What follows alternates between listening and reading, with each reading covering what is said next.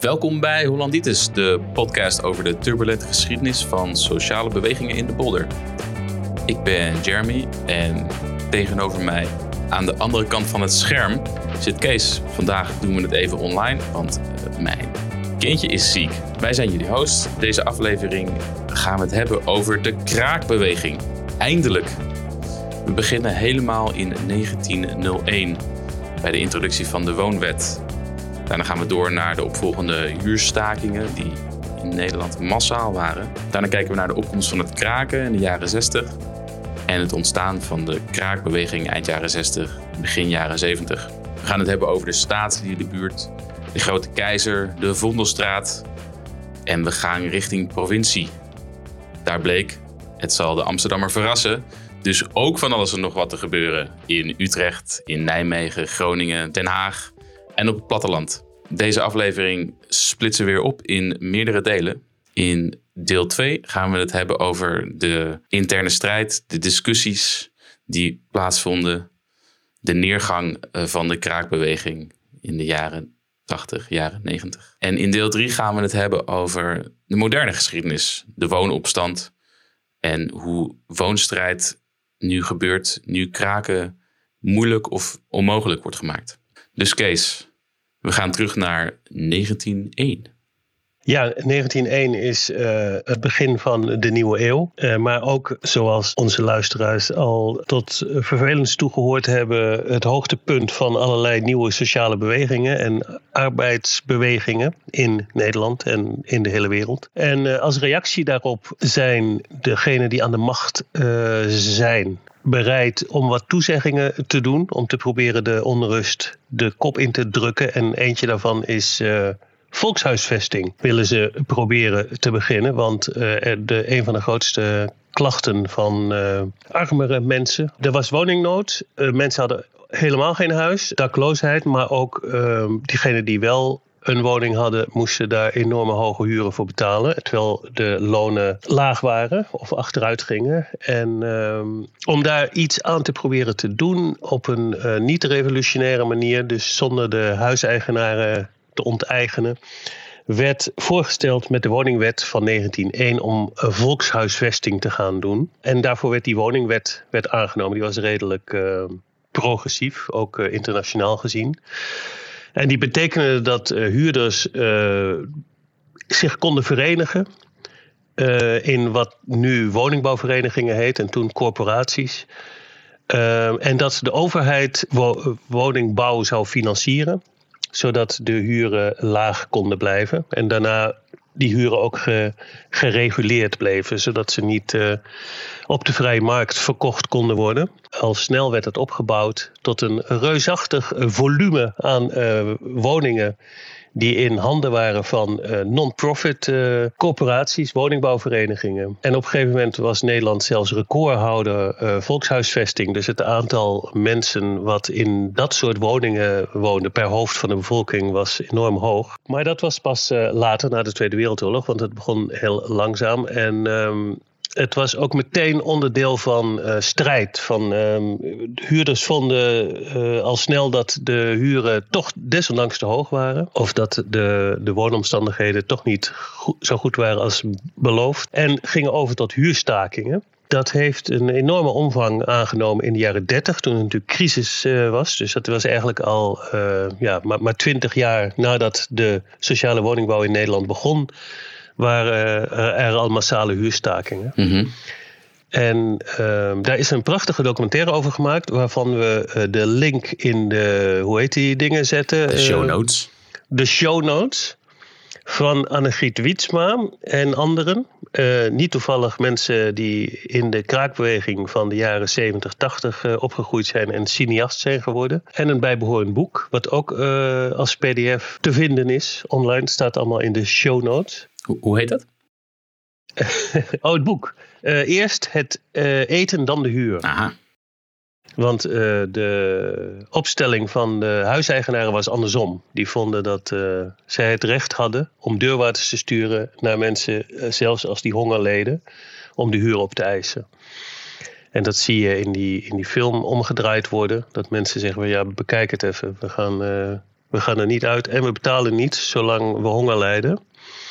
En dat moest je letterlijk nemen. En nou ja, dat was de geschiedenis. Zag je dat hele straten weigerden om huur te betalen. En vooral in steden waar de communisten sterk waren, Rotterdam, is uh, een goed voorbeeld daarvan. De niet heel toevallig Tweebosbuurt. Die, uh, aan het eind van onze uitzending komen we daar weer terecht, omdat het een opstandige buurt is waar mensen weigerden om zich weg te laten slopen. Daar is zelfs, daar waren rellen, er is geschoten op huurstakers uh, in de jaren dertig. Dat is een geschiedenis die helemaal uh, ondergesneeuwd is, maar in die documentaire zie je daar nog ja, overlevenden van en, en veelal heel bejaarde uh, vooral dames. Uh, dat was, uh, vrouwen stonden aan de, aan de leiding van die, van die beweging altijd en op de barricades. Dat is eigenlijk tot in de jaren tachtig is dat, is dat te zien geweest, zo'n beweging. Dat was los van de kraakbeweging die toen aan het opkomen was. En ze hadden soms weinig met elkaar te maken, vreemd genoeg. Je zou denken, maar bijvoorbeeld in Amsterdam, in de Kattenburg, werd in de jaren tachtig gehuurstaakt. En um, dat was vooral leden van de CPN, de Communistische Partij, toen. Uh, die, die georganiseerd waren om dat te doen. En CPN zat toen ook in het stadsbestuur. Later is die opgegaan in GroenLinks en uh, nu zijn ze neoliberaal, maar toen nog niet. En um, omdat ze in het stadsbestuur uh, zaten en er toch een band hadden met die CPN, wouden ze niks met die kraakbeweging te maken hebben die de oorlog had verklaard tegen alles wat autoriteit was. En later is dat toch nog goed gekomen. Toen de uh, deurwaarders gestuurd werden, ontruimingen kwamen en verzet gepleegd moest worden, toen uh, werd er uh, contact gezocht met de kraakbeweging om te komen helpen om ontruimingen tegen te gaan. Een blikje krakers opengetrokken. Ja, heel voorzichtig werden er contacten gemaakt.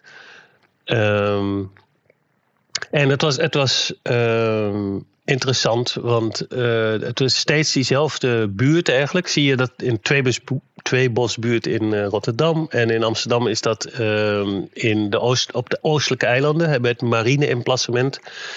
Mensen van buiten Amsterdam kennen dat misschien omdat ze naar het Scheepvaartmuseum zijn geweest. Of een Nemo, wat daarachter ligt. Een hartstikke leuk museum waar je met je kinderen heen kan gaan en allemaal knopjes kan indrukken. En dat hele grote terrein wat daarvoor uh, lag, dat was van de marine tot voor kort. Daar zijn ze nu weg. Ze eisen het weer terug, uh, maar dat gaat uh, niet lukken. Dat was tevens, was, wat nu het Scheepvaartmuseum is, was toen de admiraliteit heel lang, 400 jaar lang, waar de marine eigenlijk zijn hoofdkantoor had en zijn munitie opgeslagen had en, en weet ik veel. En dat was nauw verbonden aan de VOC ooit. En, maar om een lang verhaal kort te maken, de mensen die die boten, die schepen moesten bouwen voor de VOC en, en andere escapades, die woonden voor een groot deel op de oostelijke eilanden. Daar waren alle, alle uh, hellingen en zo. En dat was de armste bevolking van, van Amsterdam.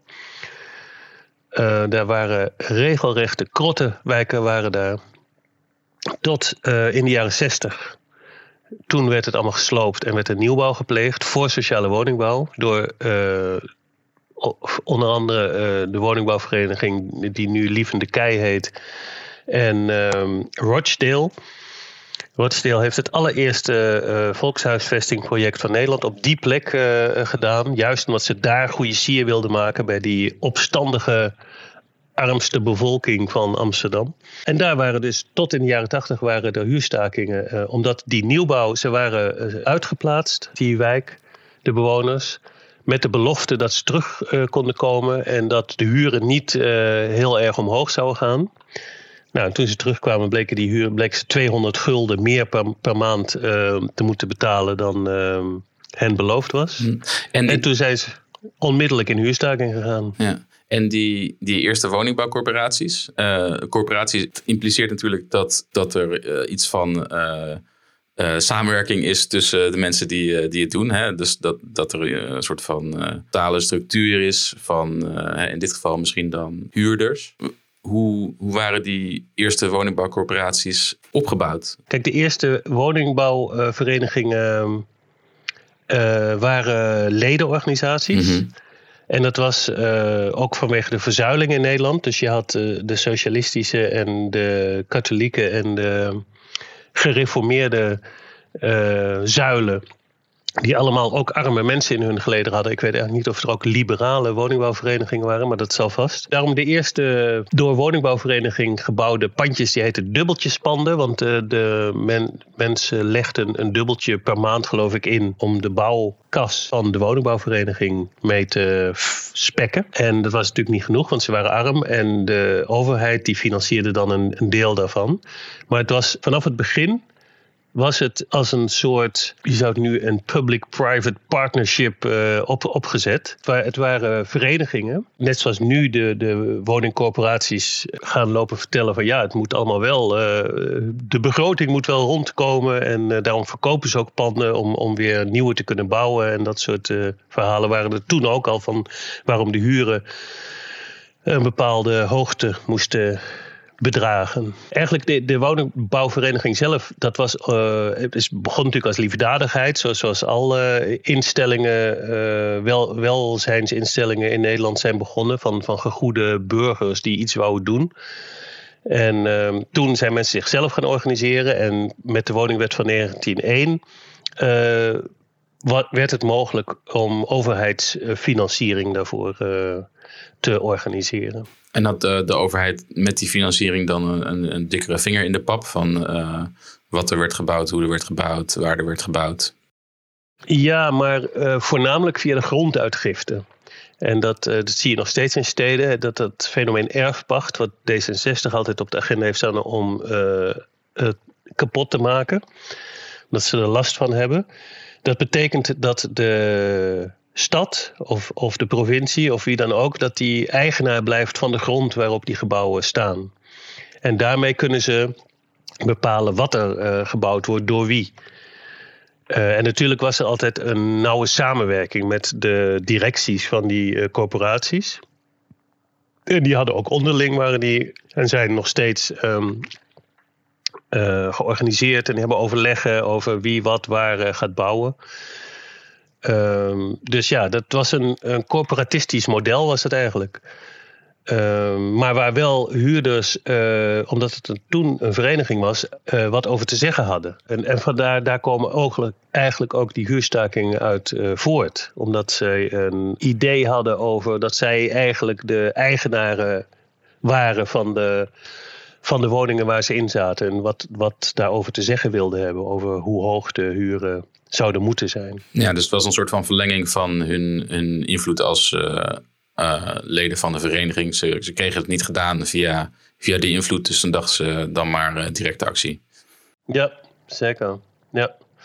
En dat zijn indrukwekkende verhalen, vooral die uit de jaren 30. Maar dat moeten jullie maar in die film kijken of in dat boek lezen. Ja, dat er echt hele buurten aan het huurstaken waren. En daartussenin zaten er mensen die niet meededen. Ja, en die werden op alle mogelijke manieren werd die het leven zuur gemaakt. Omdat dat, dat waren maffers, uh, stakingsbrekers. En uh, uh, ja, die werden eigenlijk de buurt uitge, uitgepest als het enigszins mogelijk was. En als panden ontruimd werden, vanwege huurschuld, als dat lukte, heel vaak uh, er zijn ook voorbeelden, zie je ook in die film, dat het gewoon niet, uh, niet lukt, omdat de hele buurt uh, uitloopt om het pand te verdedigen. En dan hebben we het over de jaren 30. Ook al komt de politie en er vallen gewonden en weet ik veel wat, maar het lukt niet om te ontruimen. Maar soms lukt het wel als in buurten waar, waar minder, hè, waar, waar meer van die maffers, zoals ze werden genoemd, zaten. Dan werd een pand besmet verklaard. En dan mocht je het niet kopen. Als je dan, of, of je, mocht je het niet huren. Je kreeg het dan aangeboden voor die hogere huurprijs die ze geweigerd hadden als huurder. En uh, het was natuurlijk ontzettend uh, moeilijk. Want je, je had geen woning en je kreeg er een aangeboden in zo'n wijk waar, uh, waar de strijd gevoerd werd. En als je dat dan waagde, dan, ja, dan werd je leven echt enorm zuur gemaakt. Je ruiten werden ingegooid, alle, de, de de ramen werden beklad. En uh, die kraakbeweging die later ontstond, uh, die heeft voor een deel geprobeerd die uh, traditie weer te doen herleven. Zonder al te veel succes en met heel veel ja, nare tafereel eigenlijk als gevolg. In de staatsbuurt werden mensen weer in dat geval ja, ook huurders, maar ook kopers van woningen die ontruimd waren. Die werden op allerlei manieren werden die, uh, aangepakt. Zonder dat er echt een hele. Ja, je kan zeggen dat toen in de staatsbuurt wel best wel een. Uh, een groot gedeelte van de bewoners achter de kraken stond. Maar het was toch anders dan die georganiseerde huurstakingsbewegingen van de jaren 30. Ja, ja want um, we hadden het nu vooral over de jaren 30. Natuurlijk is in de tussentijd de Tweede Wereldoorlog uh, gebeurd. Hoe is, hoe is dat in de periode tussen de, de Tweede Wereldoorlog en uh, het opkomen van het kraken begin jaren 60 uh, gegaan? Ja, de Tweede Wereldoorlog heeft natuurlijk aan de ene kant gezorgd voor nog meer dakloosheid, omdat er heel veel vernield werd. Door bombardementen en doordat woningen uitgeplunderd werden. Maar cynisch genoeg waren er ook tienduizenden mensen die niet terugkwamen. Namelijk de Joodse bevolking. In een stad als Amsterdam bijvoorbeeld waren dat 60.000 mensen die verdwenen tijdens de Tweede Wereldoorlog. Dus uh, dat is natuurlijk een heel, heel cynische kijk. Als je de statistieken gaat bekijken, zie je dat ook terug. Als het gaat om het tekort aan, uh, aan woningen in, in de stad. Uh, maar dat was natuurlijk maar heel, heel tijdelijk. En ehm, in ieder geval de constante in de geschiedenis van grote steden is dat er eigenlijk altijd tekort aan woningen is geweest. Dat dat in Nederland nooit gelukt is om dat uh, op te lossen. Ook de, de hoogte van de woonkosten, uh, dus de prijzen van de huizen of de hoogte van de huren, daar zat alleen een positieve ontwikkeling in als ze gereguleerd werden door de, door de overheid. Of als ze gekraakt werden, natuurlijk. Meteen na de, eerste, na de Tweede Wereldoorlog, toen was het even een soort uh, positief gevoel van wederopbouw. En alles zou anders uh, zijn. En de communisten waren volgens mij zelfs de grootste partij uh, kort in in het land, omdat ze de Tweede Wereldoorlog eh, heldhaftig uh, beleefd hadden. En de waarheid, zo'n krant, was even de grootste krant uh, van Nederland. Ook omdat er met de nazi's collaborerende telegraaf tijdelijk verboden was. en toen die, ik geloof na een half jaar alweer, weer mocht verschijnen, werd hij meteen weer de grootste. Dus dat zegt ook iets over um, de standpunten van de gemiddelde Nederlander. En toen, uh, ja, toen kwam er inderdaad uh, met Marshallplan en dat soort dingen kwamen er enorme bouwactiviteiten uh, op gang. Nieuwbouw, eh, zowel binnen de ringen van de, van de steden, maar ook vooral eh, hele nieuwe, nieuwe steden die er ontwikkeld werden. Ja, het Marshallplan was geld vanuit de Verenigde Staten om Europa weer op te bouwen na de Tweede Wereldoorlog. Ja, en ook en misschien wel vooral om te voorkomen dat de Russen al te populair zouden worden. Als die met uh, betere plannen zouden komen. Ja, want heel Europa was eigenlijk zo'n beetje communistisch geworden na de, na de Tweede Wereldoorlog. Mede omdat de communisten natuurlijk een grote rol hebben gespeeld in, in het verzet. Wat minder in Nederland, maar in, in, veel, in veel landen een heel, heel belangrijk onderdeel ervan waren. Um, dus die hadden natuurlijk wel wat, wat goodwill.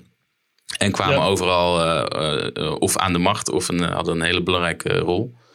En uh, de Marshallplan was het idee van, nou, misschien moeten we dan, dan wat, wat andere clubs steunen en sociaaldemocraten steunen, zodat, zodat de communisten niet overal aan de macht komen en de ja. invloed van de Sovjet-Unie te groot maken.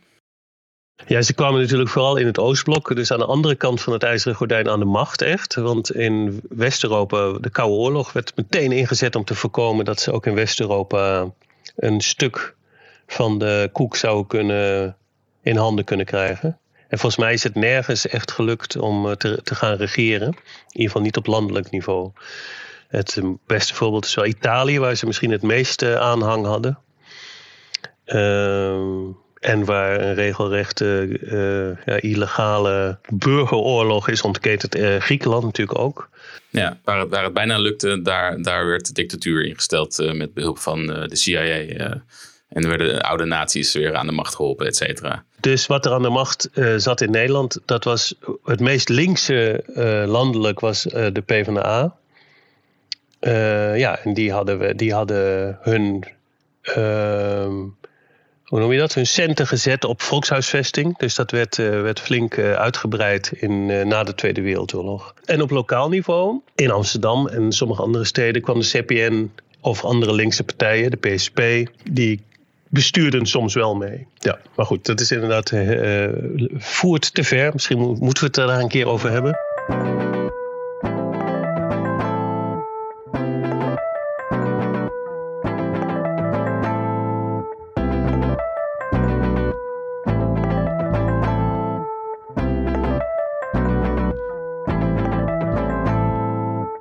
De woningnoodwet uiteindelijk niet opgelost. Er werd gebouwd als een gek, maar uh, er waren zoveel mensen uh, die niet of niet, geen adequate woning hadden. Bovendien, wat je ook kreeg, was dat die gewoonte, dat gebruik om, om heel lang bij je ouders te blijven wonen, ook al waren er grote gezinnen, dat verdween ook. Met het begin van de welvaartsstaat kreeg je jongeren en studenten die het normaal begonnen te vinden dat ze op hun achttiende gewoon het huis verlieten. Dus die wouden ook een eigen woning hebben. Ja, en die was er dan niet. En uh, een aantal van die mensen zijn op eigen houtje, of omdat de omgeving dat, uh, dat accepteerde, zijn ze gaan kraken. Al begin jaren 60 zie je de eerste tekenen daarvan. En dat zijn vaak van die dichtgespijkerde uh, panden in wijken waar nieuwbouw of renovatie gepleegd zou gaan worden. Waaronder, eh, waar we mee begonnen, Kattenburg in Amsterdam. Maar uh, in andere steden zie je dat ook. En dat is uh, ja, stiekem uh, breken ze zo'n pand open. Uh, vaak onder erbarmelijke omstandigheden. Er zit geen elektriciteit meer in, soms zelfs geen riool meer. Dus of ze moeten dat uh, dan uh, provisorisch weer herstellen, of, of ze doen het bij de buren. Maar in ieder geval, op die manier uh, ontstaat de gewoonte om in panden te gaan wonen waar je helemaal geen recht op hebt. En dat heette toen nog geen kraken. En toen kreeg je de eerste sociale bewegingen en de hippies en Provo. En die gingen dat op een georganiseerde manier doen. Bij Provo en, en sommige andere uh, opstandige jeugdbewegingen. Uh, ontstond iets als een informatiecentrum over, over wonen. Omdat, om het geluid wat een deur maakt als je hem openbreekt, is toen het woord kraken bedacht of ontstaan. En toen zag je de eerste dat er gewoon met een hele groep werden, werden mensen aan een woning geholpen. En Provo maakte daar ook uh, reclame voor met de actie Red een pandje bezet een pandje, red een pandje. En de eerste spreekuren kwamen daarvoor. Mensen die, uh, ja, vaak jonge gezinnen van hippies, die uh, geen plek hadden, die gingen daar naartoe en die uh, werden geholpen om, om een plek te vinden. In het begin werden die ontruimd vanwege huisvredebreuk. Dat was toen gebruikelijk. En toen, en je, je, ik weet niet of we dat juridisch moeten uitleggen, maar huisvredebreuk is, ja, je, je hebt je hebt zelf recht op huisvrede. Dat betekent dat niemand bij jou de deur in mag trappen. Behalve de politie, als die een toetredingsbevel heeft. Van de rechter. Uh, wat, van de rechter of de officier van justitie mag dat hm. ook uitvaardigen. En dan kan je daarna, als je huis uh, leeg gehaald is door de politie, kan je altijd nog uh, je verhaal proberen te halen bij de rechter. En dat gebruikten zij om krakers eruit te zetten. Uh, terwijl die krakers zeiden: ja, maar hallo, er woont helemaal niemand. Dus hoe kunnen we huisvrede hebben uh, gebroken? Toen, toen, zijn die krakers, uh, of sommige daarvan, die zijn gaan procederen. Dat ze ten onrechte op huisvredebreuk zijn ontruimd. En toen heeft de Hoge Raad in 1971 besloten dat dat niet meer mocht. En zo is eigenlijk het recht op kraken min of meer uh, ontstaan. Uh, toen zaten ze met hun handen in de haar, de regering. En toen heeft de regering van Acht, ik weet niet of uh, mensen hem nog kennen, hij uh, schijnt nog te leven zelfs. Die was, dat was de Mark Rutte van, van de jaren 70, 80. een CDA met een, een snerpende stem en keihard bezuinigingsbeleid. Maar desondanks uh, erg geliefd, want hij hield van fietsen. En soms zat hij zelf op een racefiets. Nou, dat vond iedereen echt uh, geweldig. Uh, en die is toen de kraakwet gaan introduceren. Die dacht van dit kan niet. Dat mensen zomaar in een huis gaan zitten dat leeg staat. Toen kreeg je in de jaren zeventig, terwijl er nog niet zo heel veel gekraakt werd, maar al wel langzaam begon dat aan te zwellen kreeg je een poging uh, vanuit de regering om een uh, kraakverbod, om een wet doorgevoerd te krijgen die kraken strafbaar stelde. En dat is uiteindelijk is dat, was dat bijna gelukt. En dan hadden we helemaal geen kraakbeweging gehad. Maar in de Eerste Kamer, en daarom beste luistervrienden, moet je af en toe toch gaan stemmen. Uh, ook al denk je, provinciale verkiezingen, wat is dat nou voor onzin? Want in de Eerste Kamer kan je dit soort dingen soms toch nog tegenhouden. Ik zou niet weten op wie je daarvoor zou moeten stemmen. Dat, dat, dat moet je weer aan iemand anders vragen. Maar in ieder geval is dat toen gestopt daar. En dat kwam onder andere omdat, uh, en we gaan nu met hele grote stappen door de geschiedenis van de kraakbeweging. De Raad van Kerken, die had uh, op instigatie van hun uh, afdeling Deventer, die heel progressief was en waar de kraakbeweging hele positieve effecten kon uh, laten zien. Die hadden de Landelijke Raad van Kerken, en die heeft bij het CDA natuurlijk een enorme ehm, standing, uh, een onderzoek laten uitvoeren over kraken in Nederland. Het rapport heet dan ook Kraken in Nederland van 1978. En je kan het online vinden. En het is echt een geweldig eh, rapport waarin met heel veel cijfers en, uh, en uh, sociologisch materiaal aangegeven wordt dat kraken echt ontzettend belangrijk is en heel veel mensen aan een dak boven hun hoofd helpt. En daarmee is toen die, dat kraakverbod getorpedeerd. En, en dat was volgens mij, nou ja, 78. Dus toen was uh, kraken min of meer uh, mits een huis je aan kon tonen dat een pand echt leeg stond. En mits je niet op heterdaad betrapt werd, want het openbreken van die deur was nog altijd strafbaar. Dus dat was even dat moment van, nou, laten we zeggen ongeveer drie minuten, dat je moest zorgen dat er geen politie uh, in de buurt was. Daarna kon je ze zelfs, en dat werd ook vaak gedaan door krakers, werd de politie binnengelaten alleen maar twee. Je moet altijd zorgen dat je met een groep mensen voor de deur staat, zodat de politie niet met z'n allen binnen kan lopen, want dan ontruimen ze je toch. Ook al hebben ze geen enkel uh, wettelijk recht. Dus er stond dan, eh, het is een beetje een karikatuur van hoe een kraak gebeurde, want het gebeurt natuurlijk op al heel veel verschillende manieren. Maar de gangbare manier is met een groep mensen voor de deur gaan staan, die opengebroken is. Ondertussen ben je binnen aan het inrichten. En dan op een gegeven moment uh, komt de politie, want er is altijd, is altijd wel één hele vervelende buurman die gaat bellen. Ja, dan willen ze naar binnen. Wat is dit? En dan zeg je, ja, sorry, het is ons huis, je komt niet naar binnen. Uh, ja, maar het is strafbaar. En dan zeg je, nee, het hier wonen mensen en uh, het is hun, hun huisvrede. maar je mag wel even met twee mensen naar binnen om te constateren dat het echt leeg stond. Want dat is belangrijk. Dat schrijven ze in het proces verbaal. Het huis stond leeg en nu wonen er mensen in. Nou ja, als ze daarmee akkoord gingen, dan werd de deur op een kier open gedaan. Gingen er twee agenten naar binnen, gevolgd door een hele grote groep uh, uh, punks met honden. En uh, ja, die gingen dan door het huis lopen. En dan, ja, het, ondanks alle verschrikkelijke verhalen die altijd in de Telegraaf stonden, dat er huizen gekraakt werden waar nog mensen woonden of waar ze net heel hard aan het verbouwen waren en zo, dat kwam zelden voor. Dat is pas van latere tijd dat huiseigenaren net zijn gaan doen alsof ze de hele tijd aan het verbouwen waren om, om panden toch leeg te kunnen laten staan, omdat de rechter daar dan wel mee akkoord ging laten. Maar in, in het begin werkte dat heel goed. Agenten die schreven op, ja, het stond leeg. En de eigenaar had een probleem, want die kon niet laten ontruimen. In grote lijnen was dat eigenlijk hoe vervolgens die e- enorme boom aan kraken is ontstaan. Want dat uh, ging natuurlijk als een lopend vuurtje rond. Toen werden in, in, de hele, in het hele land werden begonnen in de jaren zeventig uh, vooral grote panden gekraakt te worden. Ja, en veel van die panden die toen gekraakt zijn, die zijn nou nog steeds, die zijn daardoor behouden. En uh, veel zijn er ontruimd. sommige zijn gesloopt. Maar veel zijn er gelegaliseerd. Ook omdat het onmogelijk was om ze op een andere manier eruit te krijgen.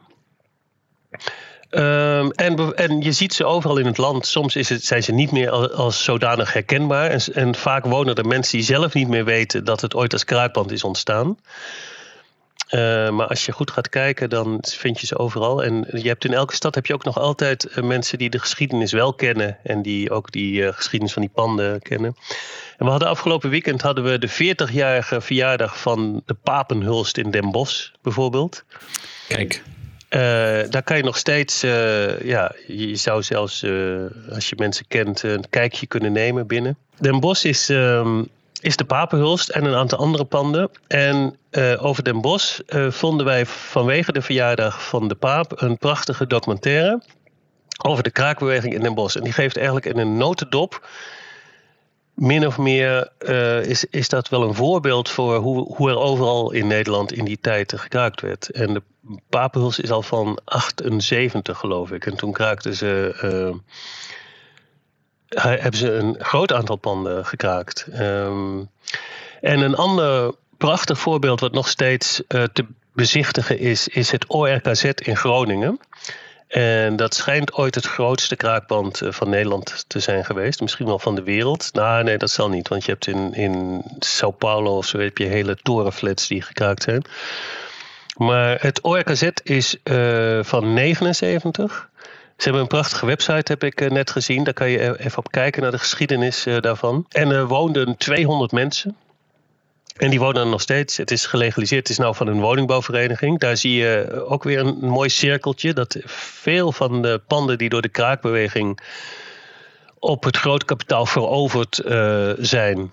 Die worden dan, als ze gelegaliseerd worden, worden ze, als ze niet eigen bezit worden van een stichting van de, van de bewoners, dan is er een woningbouwvereniging die het pand uh, overneemt. Ja, wat, wat, wat, ik weet daarvan, in ieder geval in Utrecht. Uh is dat um, in het geval van uh, Moira, nog zo'n bekend kraakband waar een grote zaal aan vast zit, een kunstatelier. en, en er wonen nog steeds allemaal mensen in, in een woongroep. En dat is op een gegeven moment dus overgekocht door een kleine, sympathieke woningbouwvereniging. Maar al die kleine woningbouwverenigingen, die, die zijn allemaal langzamerhand opgeslokt door die grotere. En die steeds verder van de bewoners afstaan. En steeds meer ja, corporate zijn, zijn geworden.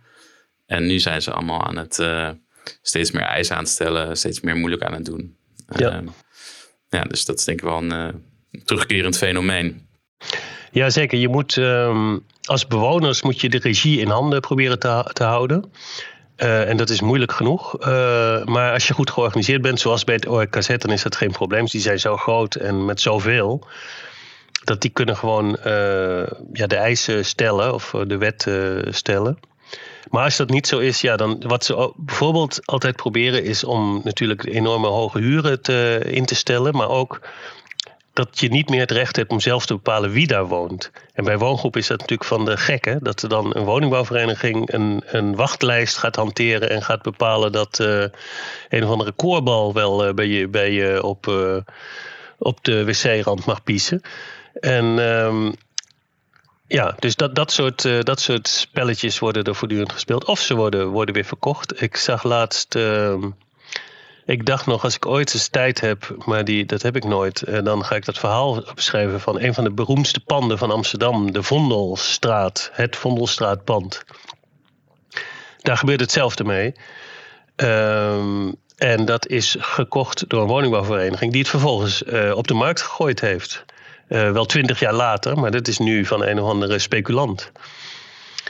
Uh, en denk je van ja, daar hebben mensen hun leven voor gewaagd, zo'n zo, zo beetje op de barricades voor, voor zo'n pand. Wat dan vervolgens te gelden wordt gemaakt door de woningbouwvereniging uiteindelijk. Laten we misschien eventjes een stapje terugnemen en kijken naar de chronologie van, van die kraakbeweging. Ik vertelde net dat begin jaren uh, 70 begon, uh, begon die beweging die een beetje was begonnen rondom de, provo's en de hippies. begon wat meer zichzelf te organiseren. Uh, infrastructuur op te bouwen. Um, kraakspreekuren werden opgezet. En er werden steeds meer panden gekraakt. misschien is het interessant om even te kijken naar een paar van die prominente momenten, prominente buurten, kraakpanden. Om zo het verhaal te vertellen van de, de ontwikkeling van de kraakbeweging in de jaren 70 en 80. En daarbij gaan we natuurlijk ook eh, praten over een paar verhalen uit uh, van buiten Amsterdam. Ja, dat, wat hartstikke moeilijk is. Want uh, nou ja, we hebben het er ook al vaker over. Dat eh, Amsterdam altijd het centrum van de navel van alles is wat er ooit in de wereld gebeurd is. In dit geval klopt het een beetje dat er best wat belangrijke ontruimingen en kraken zijn geweest in, in Amsterdam. En, maar vooral ook daarbuiten. En bijvoorbeeld, ja, hoe, hoe vliegen we dit aan? Je ontkomt er niet aan, inderdaad, om de Amsterdamse kraken en ontruimingen van 79, 80, 81 even de revue te laten passeren. En vooral omdat um, ik denk tot 79 uh, waren de kraakweging in een aantal andere steden minstens zo uh, succesvol als die in Amsterdam. Als het gaat om de hoeveelheid grote panden die uh, veroverd werden en, en ook bewoond konden blijven. En toen begon uh, de staat zich te organiseren en de huizenbezitters ook. Die vonden, nou was het wel genoeg. Uh, en je zag een patroon van dat er steeds meer panden heel snel ontruimd werden na de kraak in 1979. En toen moest die kraakbeweging die moest antwoord vinden daarop. En dat veranderde in 1979 omdat de autonomen eigenlijk in beeld kwamen. Mensen, eh, vooral in Italië, maar ook in Duitsland wel een beetje. En nog minder, maar ook in Frankrijk. Uh, als een soort linkse sociale beweging die geweld niet schuwde. In tegenstelling tot al die anderen. Die of parlementair waren en vonden dat ja, je, alleen in, in, in onder dictatoriale omstandigheden. Of uh, vredelievend en, en vonden dat kon je echt niet doen. Je mocht zelfs niet uh, schelden op de politie. Maar omdat er steeds meer gewoon keihard werd opgetreden. Door de, door, de, door de politie tegen dat soort geweldloze pogingen om panden tegen ontruiming eh, te beschermen, is er op een gegeven moment in uh, Amsterdam een uh, roemruchte ontruiming in de Kinkerbuurt geweest. Waarvan iedereen zei: Dit is de laatste keer dat we hier uh, dat we, dat we ons uitleveren aan de politie. En hierna gaan we terugslaan. En dat werd ook openlijk werd het zo gezegd. Ja, dat, dat was onder invloed ook van de opkomende anti-kernenergiebeweging in, in Nederland en vooral daarbuiten. En, en de autonomen in Italië. Het waren mensen die een helm opzetten, zelf een knuppel pakten of projectielen Molotov cocktail zelfs. En de politie gewoon uh, uitdaagde, of hoe noem je dat, het, hoofd boden. En dat was eigenlijk tot die tijd was dat uh, not done, was dat ongekend. Plotseling sloeg het om. En om niet gepakt te worden, want uh, de politie stond ook voor verrassingen. Wat dat betreft, dat ze plotseling aangevallen werden. Mensen niet meer of alleen maar inhaakten en liedjes zongen maar gewoon soms zelf in de aanval gingen. En dat uh, de politieauto's uh, belaagd werden, bestookt werden met uh, allerlei projectielen. En ze, soms zelfs omgegooid.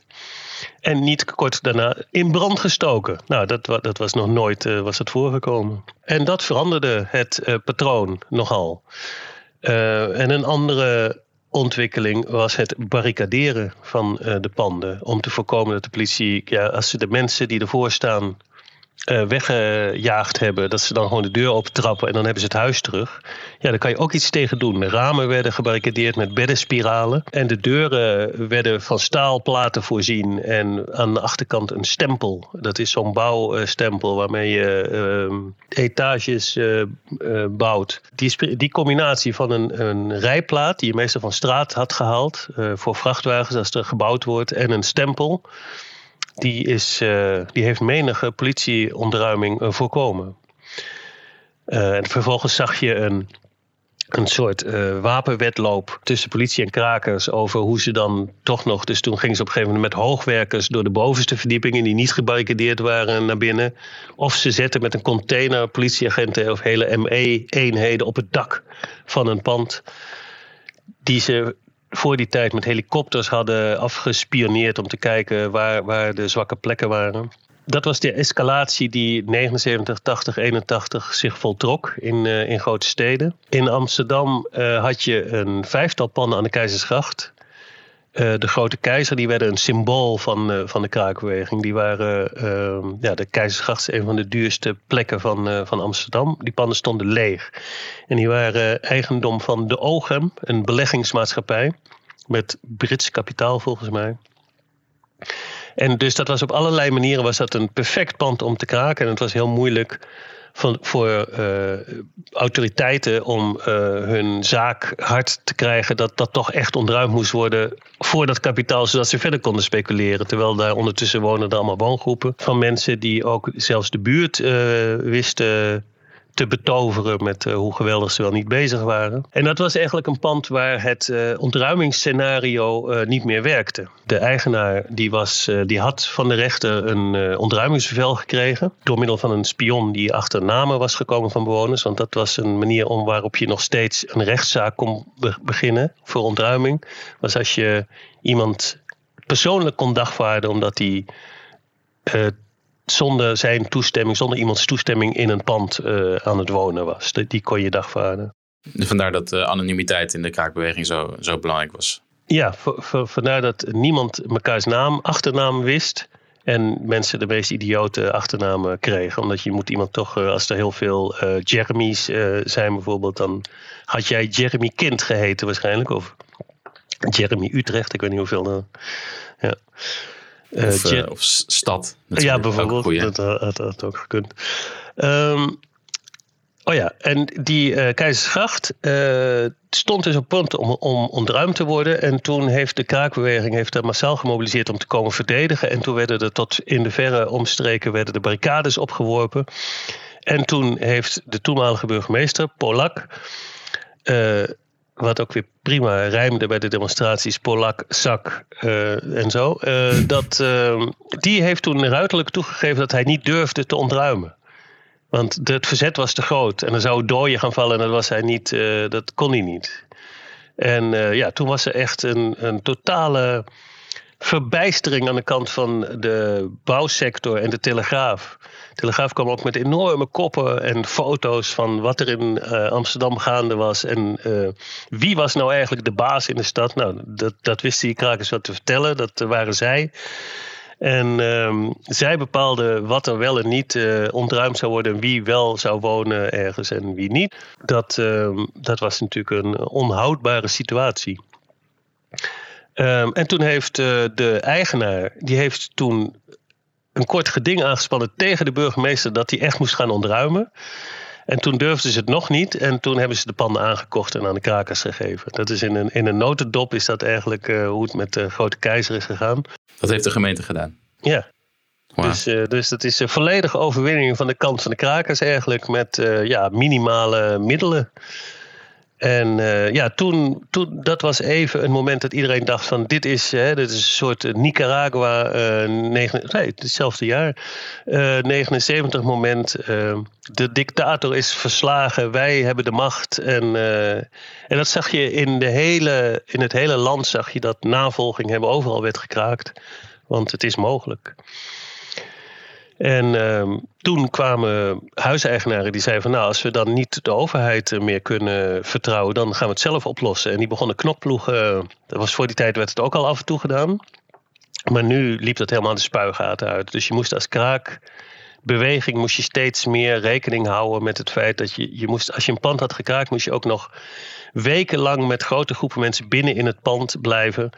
Om, voor het geval dat er een knokploeg zou komen, om, dat, om die dan uh, buiten de deur te kunnen, te kunnen houden. Ja.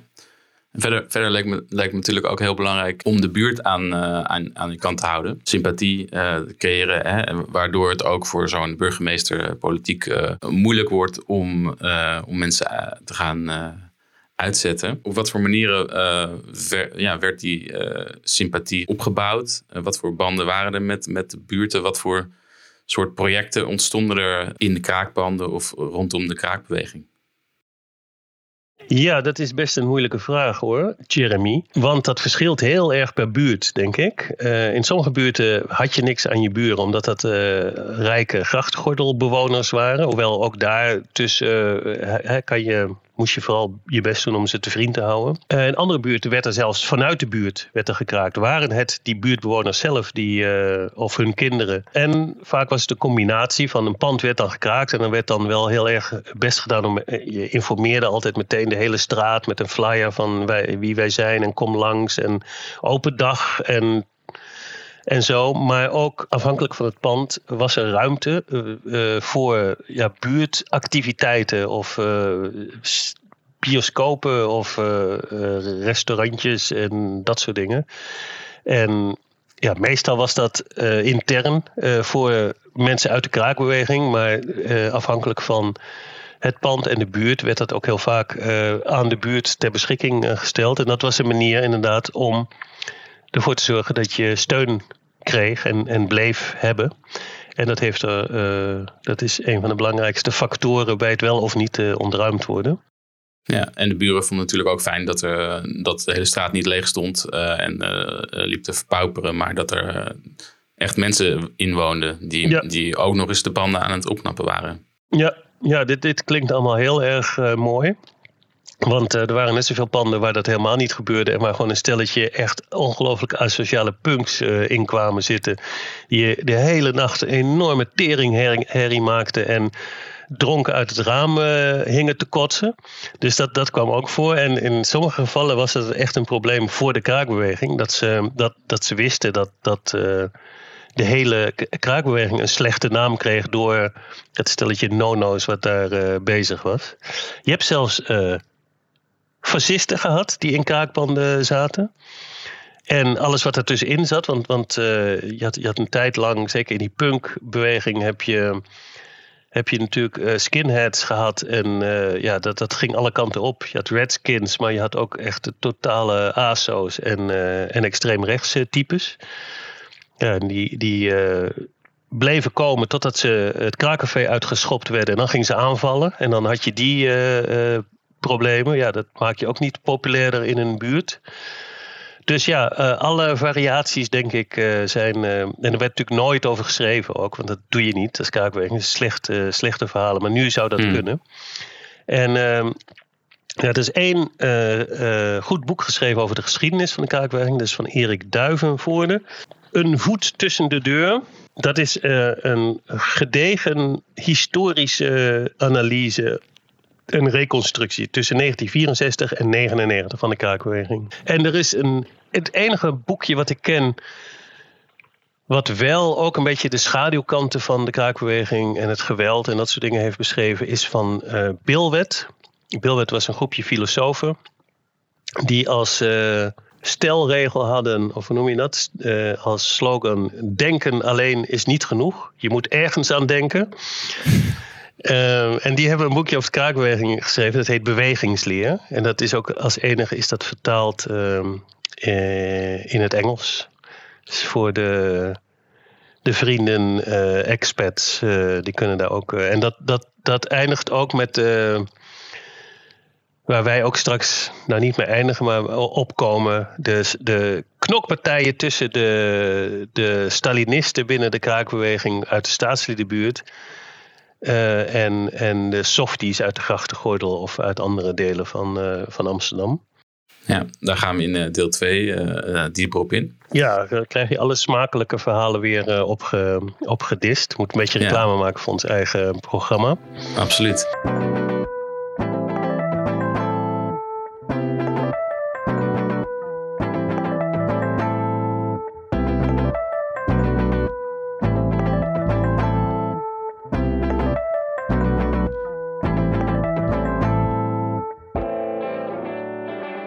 Ik ben ook wel, ik ben ook wel benieuwd naar de geschiedenis van uh, culturele instellingen in, uh, in het hele land. Dingen als uh, de Tivoli in Utrecht, het Paradiso, de Melkweg en in, in, andere, in andere steden net zo.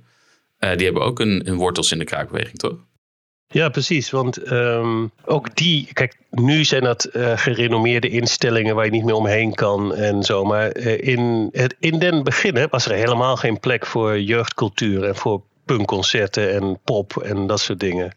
Hey, hoogstens voor Gert en Hermine en van die limonade muziek. Die mochten dan in Ahoy eh, optreden of zo. Maar en zeker niet zelf beheerd. Dus er is een, een directe link tussen eh, zowel kraakbeweging en mensen die een poppodium wilden, uh, toen heette dat nog niet zo, wilden opzetten. Maar ook persoonlijk. Weet je, vaak, vaak mensen die in bands bezig waren of die muziekoptredens uh, leuk vonden om te organiseren. Dat waren progressieve links, uh, linkstuig was dat, die al in die kraakbeweging zaten. Dus heel veel van die plekken die uiteindelijk veroverd zijn om dat soort concerten te kunnen organiseren, zijn vanuit de kraakbeweging ontstaan. En dat zag je en nu springen we weer door de tijd, maar dat moet dan maar. Toen het nieuwe kraakverbod uh, in 2010, of vlak daarvoor, werd uh, geïntroduceerd, toen kwam er een soort campagne om zich daartegen te verzetten en te proberen dezelfde truc te herhalen die in de jaren zeventig uh, is geslaagd om het kraakverbod niet om te, te laten, te laten kapseizen. Toen verscheen er overal in den landen en in de stad zag je, uh, hoe heet die dingen? Uh, spandoeken. spandoeken. Zo heten ze. Ze waren wel van plastic, maar toch doeken. waarop stond mede mogelijk gemaakt door de kraakbeweging en zo om te laten zien. En dat hing vaak op panden waarvan je denkt van wauw, ook zij. Allerlei theaters en, en culturele instellingen. En Tivoli in, uh, in Utrecht is een, uh, is een heel goed voorbeeld daarvan omdat dat letterlijk met, hoe noem je dat? Uh, eigen lijf en leden van krakers die zich hebben moeten verzetten tegen ontruiming door de politie is bevochten. En nu is het natuurlijk een enorm protserig gebouw bij uh, het station in uh, Hoogchagrijnen. waar je 35 euro voor, gemiddeld voor een kaartje betaalt. Maar in die tijd was dat nog helemaal niet zo. En je hebt een Tivoli... Tivoli staat nu weer leeg. De oh. oorspronkelijke pand. Oh, is dat zo? Oh shit, dat zeg het niet te hard. Want uh, misschien hebben we tegenwoordig autoriteiten die wel opletten. In ieder geval hun geheime dienst. Dus dat bedoelen we dan niet, hè? Dat, dat, uh, dat je daar misschien een goedkopere venue van zou kunnen maken. Bovendien heb je in Utrecht ook uh, B52 en hoe heet het? de DB's. DB's, zo heet het. Die ook weer verhuizen. Oh. Ook weer eruit worden gezet. Ja. Maar wel een geweldige plek. Um, en Moira, waar ook af en toe dat soort dingen gebeuren. Allemaal uit kraakbeweging. Maar goed, Tivoli die werd, was gekraakt, werd ontruimd. En toen was er een campagne in de stad, ook van die Tivoli-mensen, van er is helemaal geen plek in Utrecht waar je, waar je rock en roll kan, uh, kan uh, laten horen. Toen zijn ze, hebben ze een poging gedaan om een nieuw pand te kraken, werden ze uit ontruimd. En toen is het Tivoli tijdelijk is ontstaan. Dus dat zwervende, een rondzwervend circus met uh, geluidsinstallaties en weet ik veel wat, wat, wat een paar plekken heeft uh, veroverd om daar uh, concerten te organiseren. Die werden, die werden keihard ontruimd. Ik weet nog dat een keer, uh, kan me nog herinneren, een concert waarbij de politie door de muren kwam met mokers en al, om, om, het, om iedereen weer op straat te zetten. Uiteindelijk heeft dat geleid tot dat ze een, een legaal pand kregen, toen nog op de Oude Gracht. En ja, daar, hebben, daar heeft heel veel uh, leuks heeft daar plaatsgevonden natuurlijk. Het was een geweldige plek, was dat. En goedkoop ook. En vreemd genoeg, ik denk dat het heel goed geïsoleerd was, maar op de Oude Gracht, tussen al die panden in, dat, uh, ik weet niet hoeveel de bewoners eromheen geleden hebben, maar het kon in ieder geval. En toen werd het te klein, of weet ik veel wat, moest, moest gerenoveerd worden, bouwvallig. En toen hebben ze die nieuwe plek in uh, gekregen. En uh, ja, ik weet niet. Uh, ik, ja, ik ben er één keer geweest. Patty Smith. ja. ja, het is een, een terugkerend fenomeen. In, in Haarlem heb je de, het patronaat. Waar patronaat, ik ja. vrijwilliger ben geweest. Dat begon ook als een, een, een gekraakt oud convent of patronaat. En was, ja, was super tof. En ja, op een gegeven moment bedachten ze van moet toch uh, hè, professionaliseren, geluidsoverlast, uh, problemen. En toen uh, het is, allemaal, is het allemaal verbouwd. En ja, het bestaat nog steeds. En het is nog steeds tof, maar wel heel erg in karakter, karakter veranderd. Misschien een beetje zoals de Melkweg nu. Ja, ja, lange tijd en misschien nog wel steeds zo is de directie van die, um, van die clubs is nog altijd heel erg pro-activistisch. Dus bijvoorbeeld Paradiso kan je nog steeds als zij, als zij even plek hebben in een programmering, kan je voor goede activiteiten kan je nog steeds uh, de bovenzaal of zoiets uh, af en toe krijgen om, om iets te organiseren of een benefiet. Laatst was er een benefiet voor, uh, voor Theaterstraat, en, maar laatst ook voor krakers die zich tegen ontruiming hadden verzet en hoge juridische kosten opgelopen hadden. Maar dat is steeds sporadischer. Inhoudelijk is er, is veel minder van te zien. Dat komt ook door de commercialisering natuurlijk van de hele popcultuur. Uh, maar ja, als je goed kijkt, ook uh, door een roosje in, uh, in Nijmegen. Ehm, heel, ja, de grote wijver moeten wij nog noemen in de kop van in Noord-Holland. Alkmaar. Dat is een, een kraakpand. dat, daar vinden nog steeds allerlei activiteiten plaats. Wij, zetten alle websites eh, die we noemen, alle panden die we noemen die nog een website hebben, uh, beloof ik plechtig hieronder eh, onder in de show notes. Zoals ik weet dat dat nu heet. En in Utrecht hebben we natuurlijk het AQ. Met ook een zaal, ook ooit ontstaan uit een oude accufabriek, geloof ik. Ehm, die leeg stond voor het autogarage. een garage was het, ja. niet, een, niet een accufabriek. Um, en daarachter. Autocentrum Utrecht. Oh, Autocentrum. Oké, ik dacht Accucentrum Utrecht. Uh, nee, een garage was het ooit. Ergens in de jaren zeventig gekraakt al. Heel lang gekraakt geweest, toen gelegaliseerd. Um, en aanpalend aan de achterkant, volgens mij het enige kraakhotel van, uh, van Nederland. Uh, Stroowis. Tegenwoordig ook gelegaliseerd en een officieel hotel, maar nog altijd hartstikke leuk. Ja, hostel. Ja. Hostel, ja, maar, ja, ja, zeker. Maar je kan er ook gewoon uh, met je gezin uh, een kamer krijgen, volgens mij, als je, als je op, op vakantie gaat. Ja. Um, ja, dus dat soort plekken heb je, die hebben het overleefd. Helaas, nieuwe plekken komen er heel weinig bij, omdat dus kraak ondertussen verboden is. Uh, daar hebben we het later over. Maar laten we. Er waren in 19, begin 1980 waren er natuurlijk heel veel kraakactiviteiten, maar ook heel veel ontruimingen.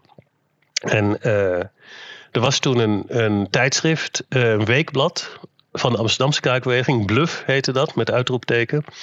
En ik zat toen in de redactie samen met uh, Wijnand Duivendak en Joost Flint, die echt een ongelooflijk slecht boek over de jaren tachtig net heeft geschreven. Daarin ontstond de discussie dat de kraakbeweging steeds meer een ontruimingsbeweging aan het worden was die van de ene ontruiming naar de andere aan het. Uh, de, de, de, campagnes, de grote mobilisaties waren allemaal om panden die uh, verloren dreigden te gaan. Terwijl mensen zeiden: ja, kraakwerking gaat toch juist over die het veroveren van die ruimte.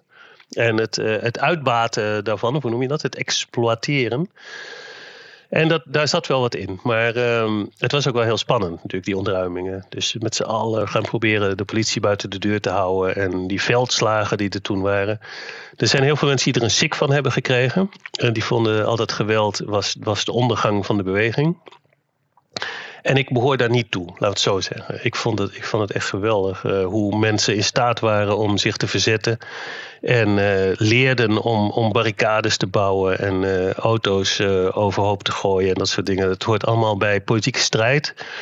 En zonder dat bereik je echt helemaal, geen, helemaal niks. Dat, dat is illusie om te denken dat je zonder dat je buiten de, de, de hokjes kleurt, dat je dan er komt.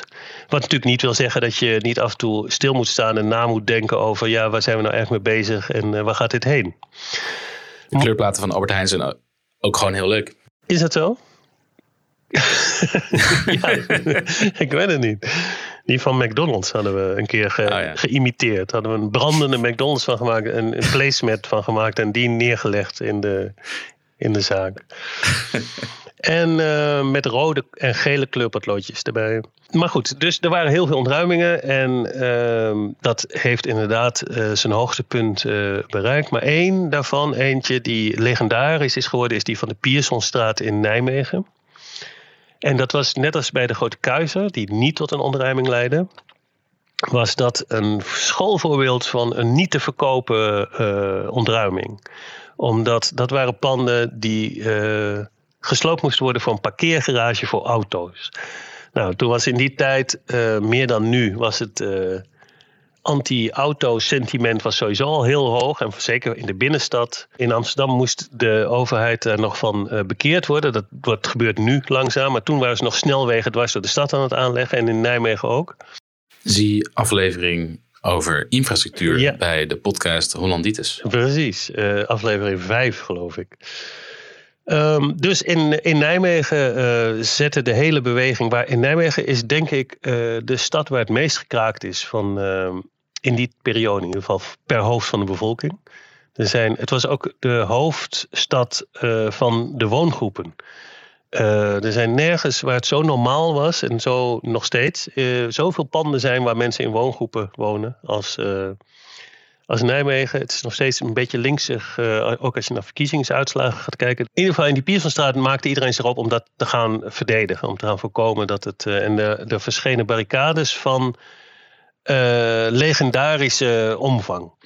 De, de, foto's kunnen we nog steeds terugvinden op, op internet. Er is één foto die wereldberoemd is geworden, omdat er ook tussen al die mensen die met helmen en zwarte vlaggen achter die barricades staan, een oud omaatje uit de buurt met een helm op. staat, grijnzend.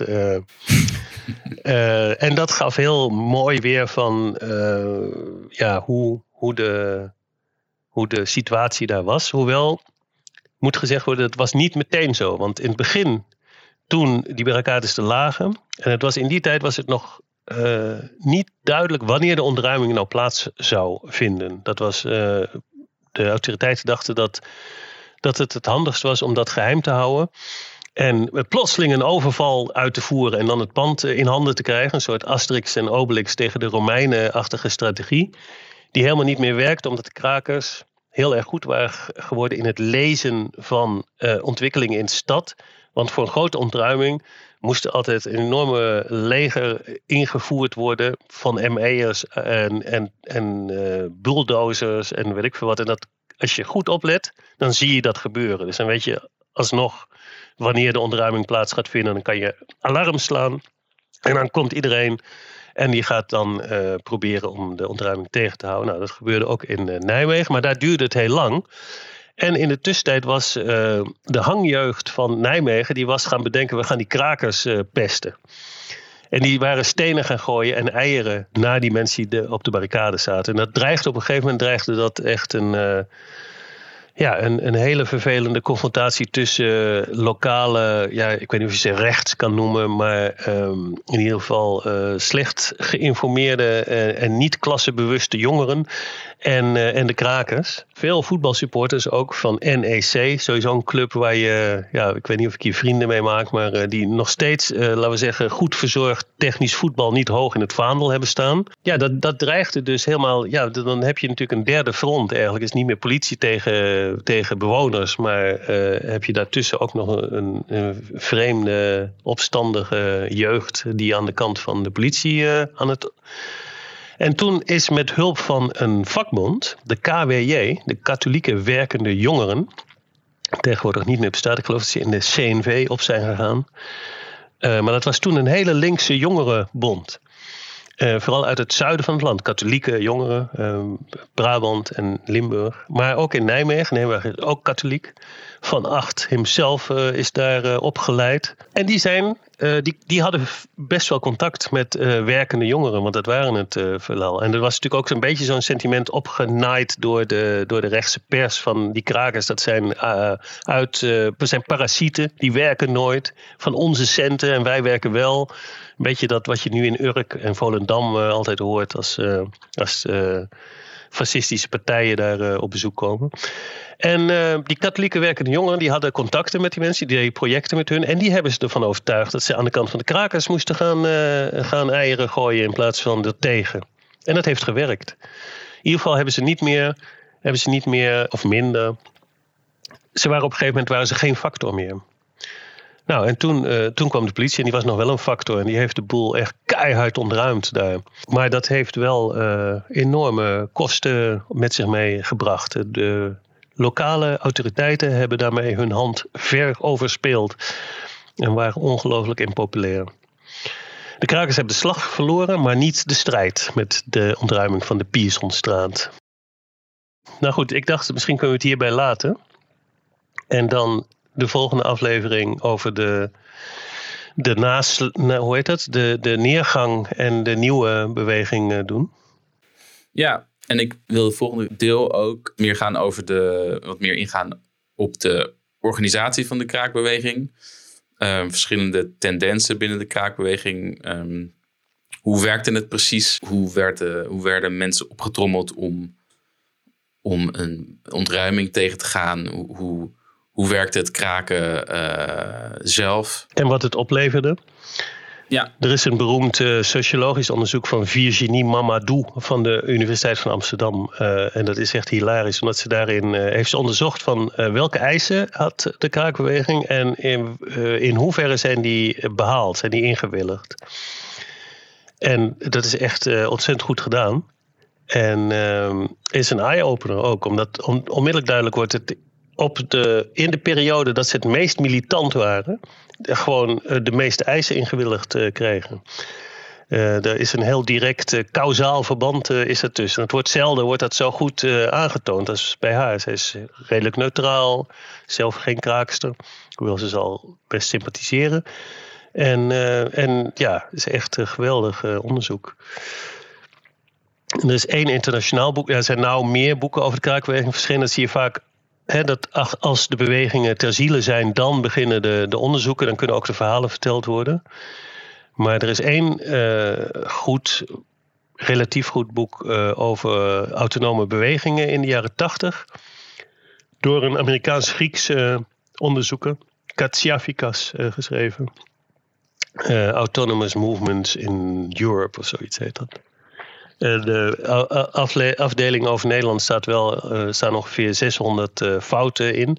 Vooral in de, schrijven, hoe heet het? De schrijfwijze van allerlei namen. Maar ik heb hem wel eens aangeboden om die te corrigeren voor een nieuwe uitgave, maar daar heeft hij nooit op geantwoord. En dat, maar dat geeft wel een uh, redelijk opzicht, overzicht van ja, dit, dit soort opstandige bewegingen die vaak heel moeilijk te beschrijven zijn. Ook voor ons is dat moeilijk te bevatten eigenlijk in één. Hè, over apartheidsbeweging of zoiets is veel makkelijker. Uh, omdat ze zo divers zijn, maar ook omdat ze zo onomschreven zijn altijd. Omdat het groot gedeelte van in de illegaliteit ontwikkeld is en zich afspeelt. En we zeiden het al, mensen hadden niet eens achternamen of zo. Dat, daar was een reden voor. Maar zeker voor de meer militante praktijken, dat werd niet, werd niet over geschreven. Daar had je het ook niet over, want dat gaf allemaal meer risico om gepakt uh, te worden. Um, dus is het ook heel moeilijk om achteraf uh, te beschrijven.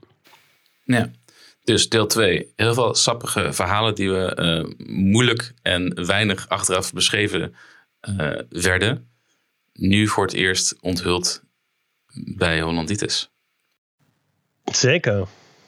Wij waarderen jullie steun ontzettend. Het is uh, heel mooi om te zien hoe de podcast en het goede is. Je kan ons natuurlijk vinden op hollanditispodcast.nl en bij alle podcastplatforms kun je zoeken op Hollanditis. Dus nodig al je, je vrienden, je kameraden, de mensen van de schaakclub. Nodig ze allemaal uit om te luisteren. Mensen die bezig zijn met woonstrijd, met de woonopstand, al dat soort dingen.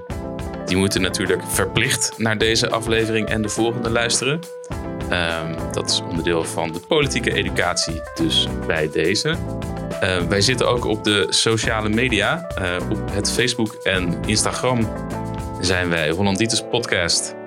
En bij Twitter en Mastodon Hollanditis. En natuurlijk bedankt Paljas voor het nummer aan het begin en aan het einde. Kees, ik zie jou over twee weken. Yes, dan kunnen we er eens goed over nadenken. Top. Doei. Doei.